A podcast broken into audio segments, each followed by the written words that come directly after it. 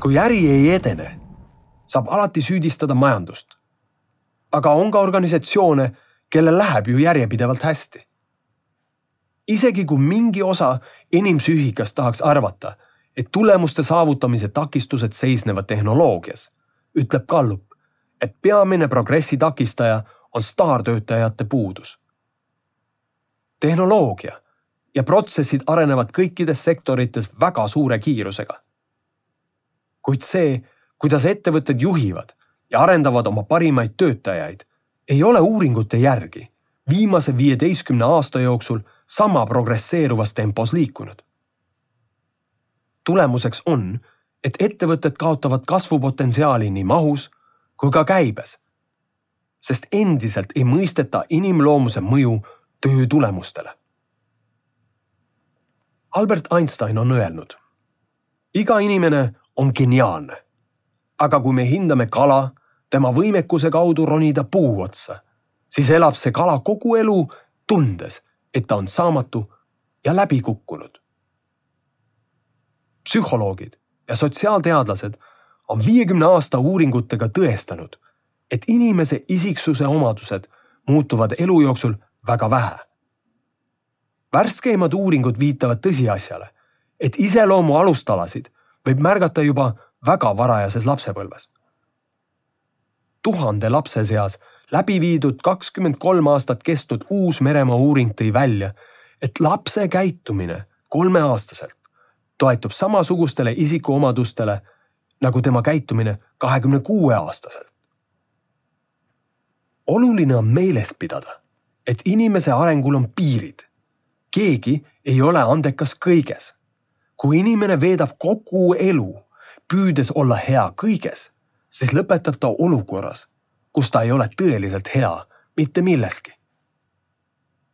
miks said mõned ained koolis nii kergesti selgeks ja teised tundusid üleloomuliku eneseületusena, ükskõik kui palju me ka ei pingutanud. miks üks laps on matemaatikas viieline ja kunstiõpetuses kaheline, kui teisel lapsel on vastupidi? Vastus on lihtne. inimesed on erinevad.